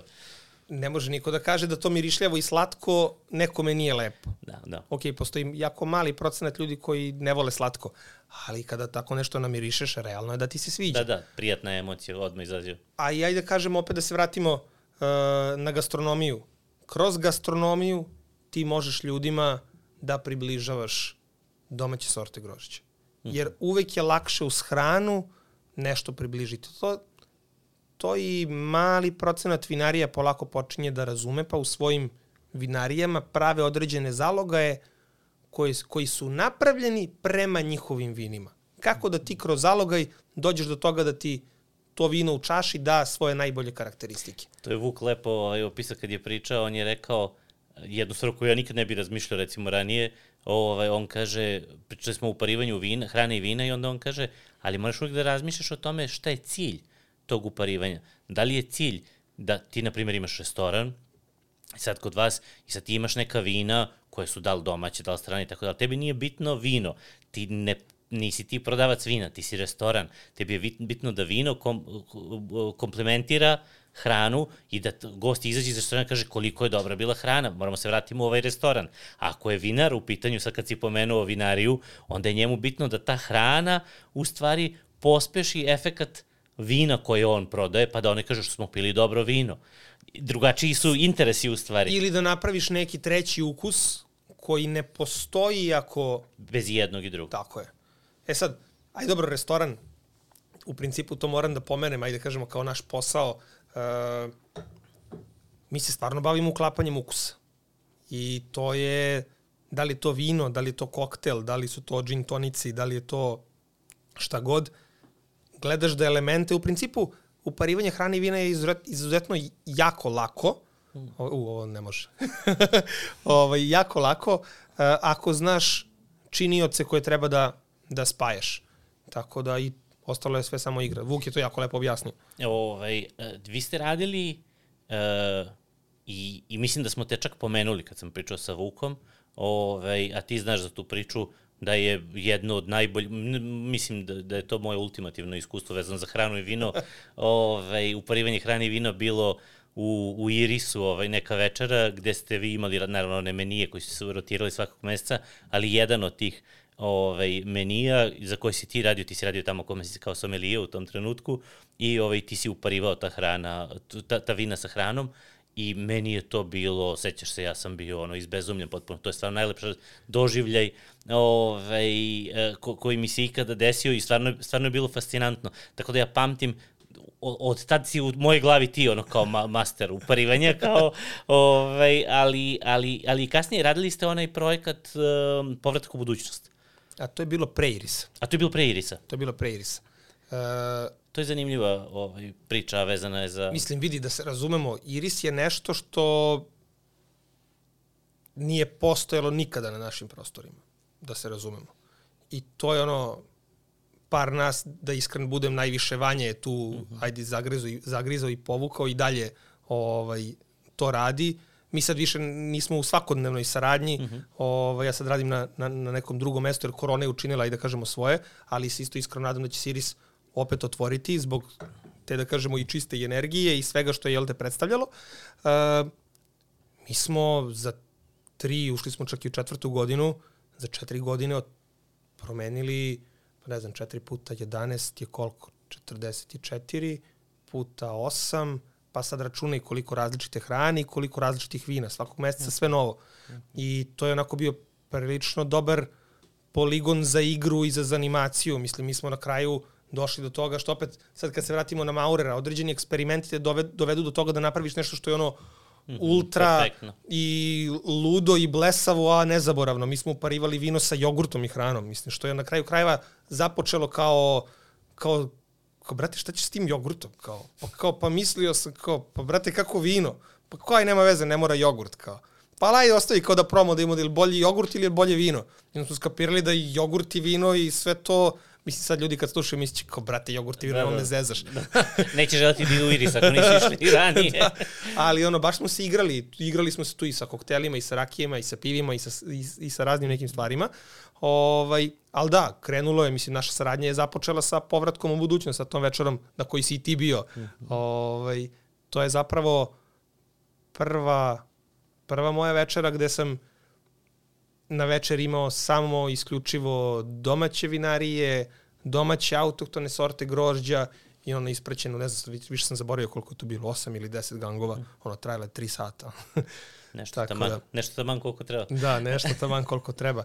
Ovaj, a sada evo sad ovo novo mesto koje, koje, koje sam otvorio i, i gde radim Mio restorante, bavimo se uparivanjima na neki drugi način. Ok, postoji a la carte, postoji taj neki vinski deo, ali ono, postali smo nekako prepoznatljivi po tim picama i burgerima, gde pice kombinujemo sa koktelima i gin tonicima, radimo onako baš simpatične gin tonike gde dimimo čaše i, i to jako lepo dobro ide uz picu što si, jel te? Mm, u više navrata uživao. Da. I ovaj, a konkretno burgere uparujemo sa penušavcima i sa vinima. Tako da je, sad za, za dane prokupca imali smo nedelju gde smo uparivali taj naš burger sa Radovanovim 100% prokupcem. I pokazao se kao izuzetno, Kao dobar izuzetno meč. dobar. Da. Mhm. Tako da uparivanja ne moraju da budu samo vino hrana, može da bude šta Tako je. god. Tako Samo je tako bitno da potrefiš ist, ist, isti je ukuse i šablone. Da tebi je u stvari Iris bio savršen poligon i za, za, za vežbu i za negde ovaj, da se isprofiliše tvoje iskustvo. To, to je ogromno iskustvo. To ja pričam za ljude koji su To radili je- u, u, u, u školi kuvanja, ovaj, pominjem ovaj, Nebojšu ovaj, Šobaju koji je, koji je dugo radio kao predavač u školi. To je bio super poligon jer smo mi u školi imali takvu mogućnost da gomilu nekih stvari radimo. Sad radimo kurs Italije, sad Francuske, sad smo u Aziji, sad smo Mediteran, sad nismo Mediteran, sad smo Bliski istok. Ti tu negde u stvari stalno si izložen, stalno si u nekom problemu jer stalno u stvari učiš, ali s druge strane stalno učiš. Ali si Znači- u problemu. Stalno si u problemu, ali stalno učiš i, u, i kao dobra stvar, kao, kao napreduješ, ali i kao loša stvar, teško je. Ne, Ne, ne, možeš o- da se uljuljkaš, ono. Mislim, Tako da, ne, ne, može da se uljulkaš. Desi ti se to, da se mi razumemo, mislim mm. da budemo iskreni. Mm. Prođe godinu i po dve i sad mi smo za svaki mesec otvarali ono 15 plus različitih etiketa. I sad nijedno, sad ovo jedno nešto ide uz to neko jelo, ali može bolje. Ali, brate, ono, otvorio sam 20 etiketa, znaš, ono, stvarno, ono, aj, može ovo da ide, nema veze, ovo prvo je dobro, a ovo posle je ono kao super, znaš, uz osam jela, koliko ih ima, ovo jedno može da prođe. I onda ti se u drugoj, trećoj nedelji, sedne ti neki, ono, Nemac, i onda krećemo u neku diskusiju, i kao, pa da, sve, ali kao, znaš, i sad ja hoću da se pojedem zašto nisam, znaš, ono, odreagovao, otišao u vinoteku, izabro, ali to je, znaš, kad se rade ti, ti ovaj, te degustacije i sve to, meni je to baš bilo jako naporno, zato što svaki put, mislim, prvo probaš 16 jela različitih, u svako od tih jela probaš x, y puta ovaj, svako od tih, o, o, od tih vina. I onda ti onako iskreno i baš Da, veliko opterećenje. A pritom, što sad kad pričamo o periodu kada, na primjer, prolađe godinu i po dve, ti imaš ozbiljan pritisak, da to bude ili u nivou ili da prebaci ono što je bilo prethodni put, to je prethodni mesec kad je neko a bio. teško je da prebaci često. Tako da, ali da, definitivno, ono, poligon za sve nas je bio neverovatan. Ovaj, ali, mislim, ne bi to, mi smo baš stvarno živeli to, mislim, to je baš ono, ovaj, i nažalost, jel te, korona je učinila svoje da je, da je Iris zbog, jel te, strukture kakav je morao da se, morao da se zatvori. Mm. Da, reče Vanja. Da, Da. da. Da, će, da, da, da, se, da očekuje da ovaj, kad, se, kad se sklope sve kockice...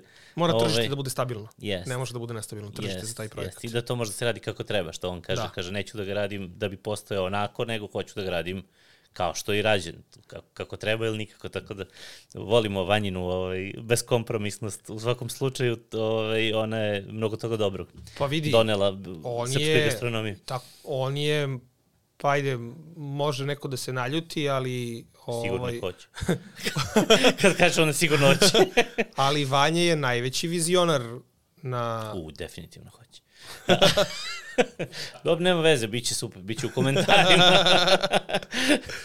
Biće Vidi, mi kad smo otvorili Iris, mi, konačno. mi, mi kad smo otvorili Iris, e, nakon godinu dana je došao Igor Luković i rekao, e sad stvarno, ono, kao moram da vam čestitam, jer kao sve je to bilo cool, ali kao ono, ne može da se puši, ne može da dođeš kad hoćeš, ne može da jedeš šta hoćeš, znaš, sve što neki normalan ajde da kažemo, Sve ustupke, da, da. posetilac kafana u Srbiji očekuje, ti to nisi mogao.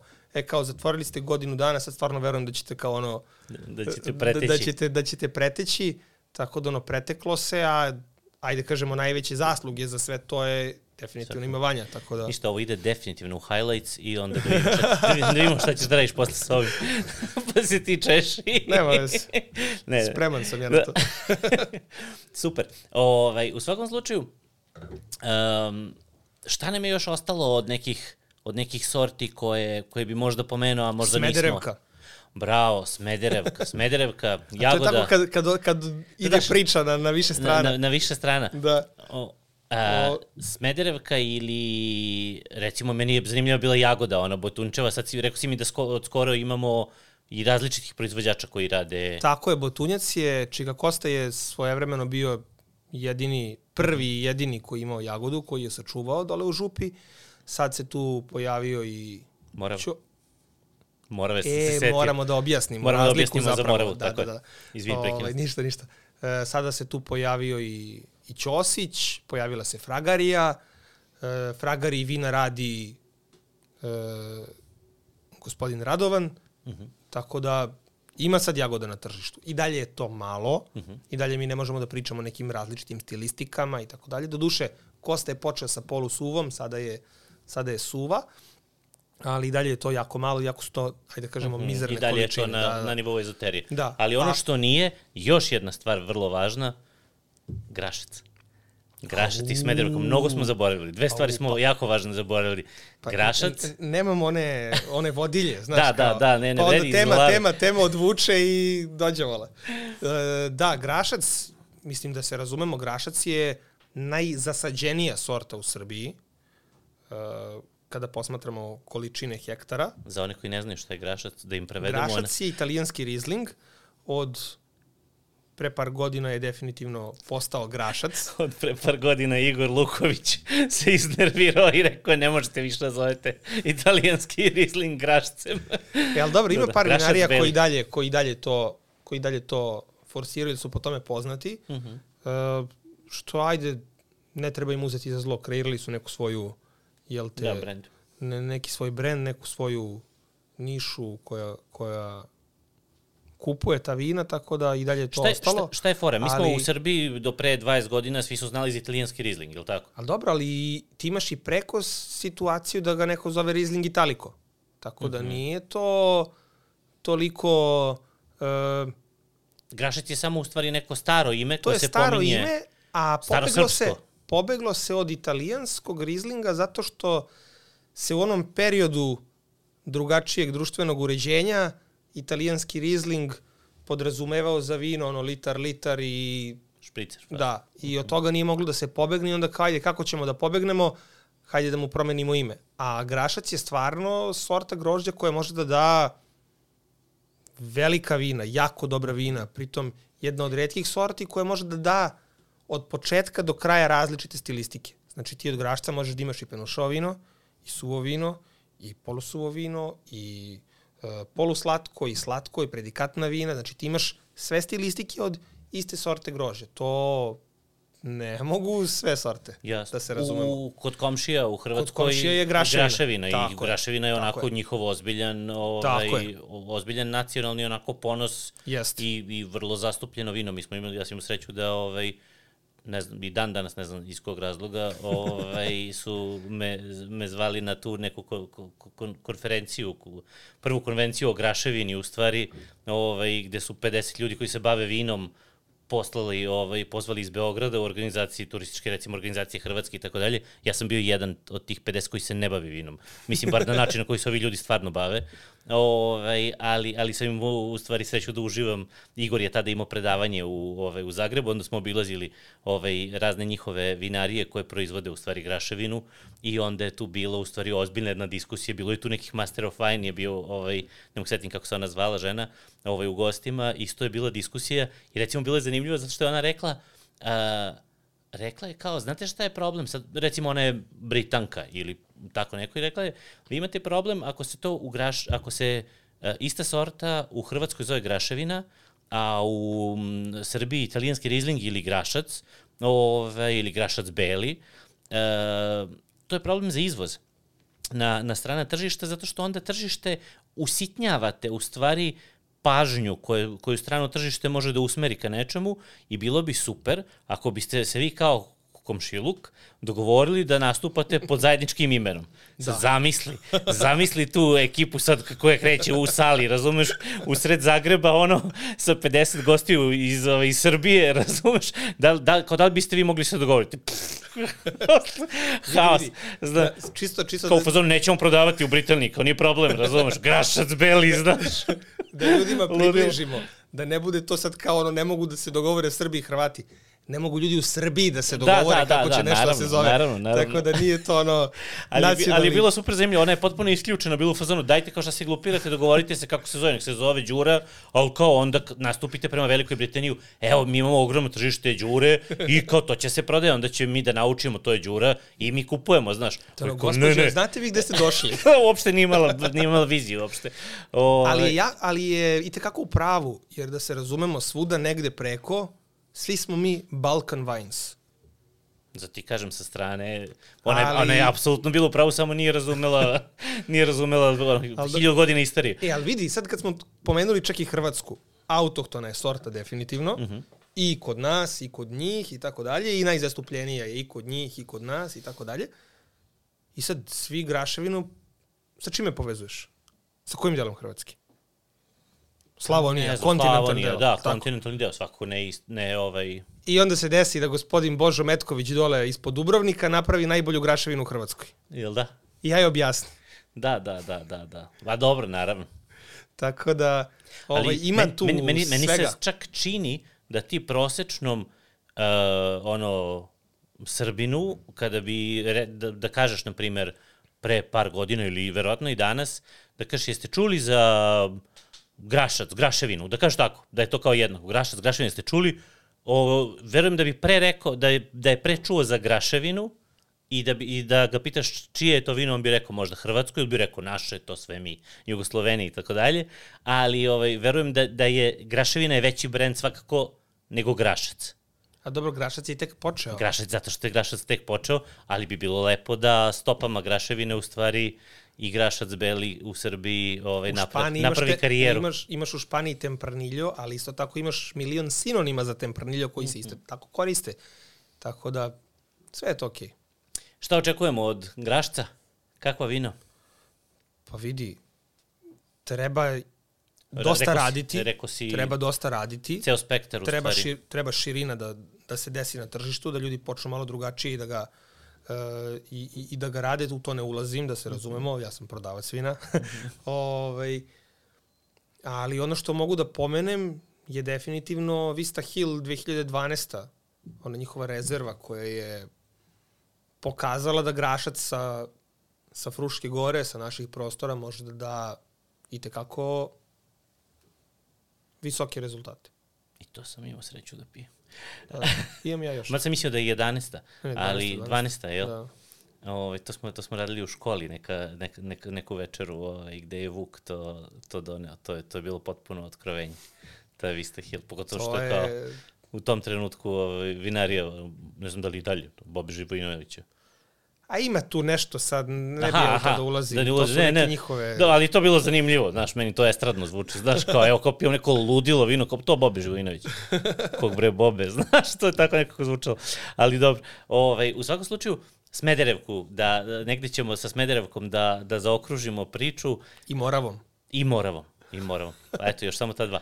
O, imamo u stvari, znaš, ušli smo Uh, ušli smo malo bezglavo u ovu epizodu sa idejom da sve malo pojasnimo, a onda se kako... Onda se ispostavilo kako, da nismo ništa pojasnili. Kako su odmakla prva četiri sata razgovora, kao ispostavilo se da imamo kao još samo 42 sorte koje bi pomenuli, znaš. U stvari to je negde i lepota ovaj, onoga o čemu pričamo, a to je ta neka raznovrstnost i, i širina. Aj, ajde da počnemo ovaj, sa Moravom, da, se, da nam se ne desi da je zaboravimo, što je bilo greota. Uh, sad napravimo razliku između autoktonih i novostvorenih sorti. Dobro. Autoktone su te koje su nastale na našem podneblju ili ajde, ti kažeš odomaćile se na našem podneblju, ovaj, različite su definicije. E, Morava je sorta koja je nastala na našem podneblju, ali pod uticajem čoveka. Preko 30 godina se radilo ukrštanje preko 10 različitih sorti grožđa na Novosadskom univerzitetu. Ovaj, gde su oni to sve radili, radili, radili, eksperimentisali, dok sortu nisu doveli do savršenstva. Morava je sorta koja je otporna na masu bolesti i sa minimum intervencije u vinogradu može da se, da se radi.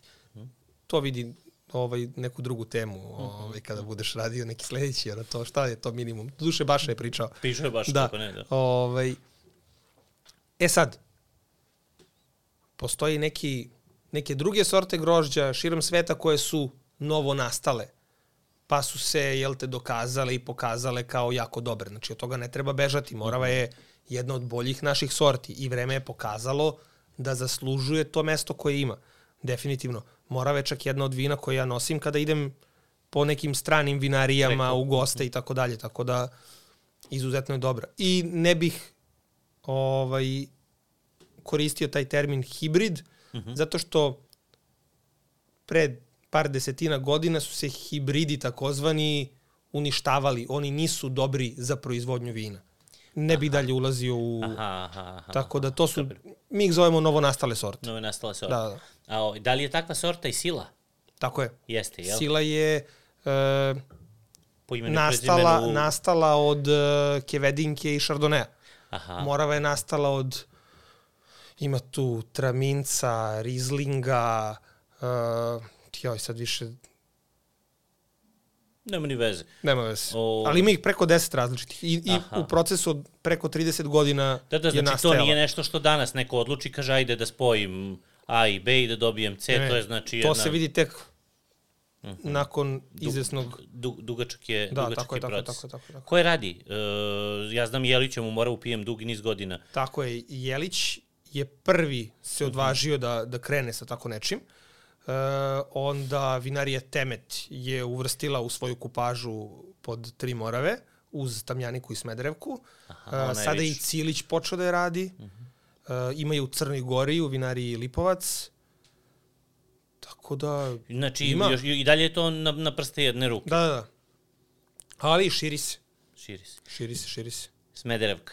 Smederevka, Da li je Smederevka samo za Riesling, samo za špricer? Je Pa li Smederevka vaz, važila za, za, za ovaj... Čak imali smo ono litarsko, ono u Smederevku. Da. Čije je to bio? To je to Navip? Ili šta je to? pa ima Tikveš. Tikveš. Ako se ja dobro Možda sećam. Tikveš, da, ne znam. Sad, Znam da ima ne znam sme- ni ja što je najgore od svega. Ja. Sad će da bude vidi ih ovi, Ne, foliraju o, se slepci, kao, znaš, kao. ne znaju šta je popara, znaš. kao tu fancy. Da, da, E, ne znam. Janko ima jako dobru Smederevku, šta više, Toma Ivanović jednom prilikom uh, radio i Igor Luković zajedno Mhm. pod onim njihovim Vine Identity su radili kod Janka u podrumu uh, vertikalu Smederevke, sad ne znam koliko različitih berbi, tako da se pokazalo da zapravo ona može da zri i da, i da se razvija, pritom pričamo o vinu od ono ispod 1000 dinara, tako da Smederevka u stvari čini mi se ima potencijal super da bude narodsko vino, da bude populističko vino zato što može da, da, da, da, da daje vrlo, vrlo dobar kvalitet za neku, i dalje je cenovno pozicionirana, pozicionirana u nekom segmentu povoljnijih vina, pri, pristupačnijih. Ne. ajde da se Ajde da se ne složim. ajde da preskočimo to. Ovaj, jer ipak fali tu svega, fali uh -huh. uh, još dosta vinarija, još dosta Aha, rada, nema- nema- da bismo nema mi sad mogli da pričamo o tome. I to verovatno može neki tehnolog bolje da odgovori na to. Tako da imamo vinarija Matijašević je sad skoro isto izbacila Aha. 100% Smederevku, koja nije cenovno. Aha, koje nije ovaj, cenovno nisko. Da, da, da. Aha, aha, Tako da, Dobro, to u stvari, to su, s- s- sve njih, nadamo se, čeka u stvari sudbina Prokupca za 10, 15, 20 godina, da jednostavno da ti imaš ceo spektar, na primer, Smederevke, da imaš različite stilove, nema vez da li Smederevke ili Grašca i tako dalje, pa da onda možemo da kažemo, e viš, pokazalo se da je jako dobar ovaj pravac ili onaj. E, ne treba bežati od novih stvari. Uh Mhm. -huh. e, treba gledati šta neki drugi rade, što je najjeftinije, da kažemo. Najjeftinije je da ti se posavetuješ sa nekim iz komšiluka, vidiš šta je neko već uradio i tako dalje. E, ali definitivno da autoktone sorte opet tek dolaze. Jesu budućnost u Da, da, stvari jesu, jesu. naše, a i ostalih vinskih scena. Hvala ti puno na vremenu i, i na gostovanju. Nadam se da smo neki deo ovaj, površine malo zagrebali i možda neke nove, neke nove informacije ovaj, sa nekim podelili. A, ovaj, Hvala tebi na pozivu. radujem se da, da probamo u, u nekoj narednoj, ovaj, u, na nekim narednim tim večerama kojih smo se uželeli, čini mi se. Pa dobro, Bar radimo ja ih jesam. sada. Ja, Radimo ja, ih. ja jesam, znam, znam da radite. znam da radite, ih. pratim Imamo i- sedam puta godišnje, Mhm. uh, sedmog u mesecu, sve smo nešto vezali za taj broj sedam, Mhm. tako da i vino je, zap- zapravo uparivanje je uh, srž svega. Mhm. Prvo smo krenuli tematski, krenuli smo sa nekim ono, James Bond večerama, pa sa, sa zemljama Mhm. i onda smo shvatili da to samo ograničava. Znači, fokus je sad samo isključivo na uparivanju pića i vina. Pića i Piće hrane. Da, da. Aha, aha. Tako da, O, imao sam priliku da, da uživam poslednji put i bilo je, bilo je ozbiljno dobro. Radujem se, radujem se sledeće. Hvala još jednom. hvala tebi. Neđu. Pozdrav.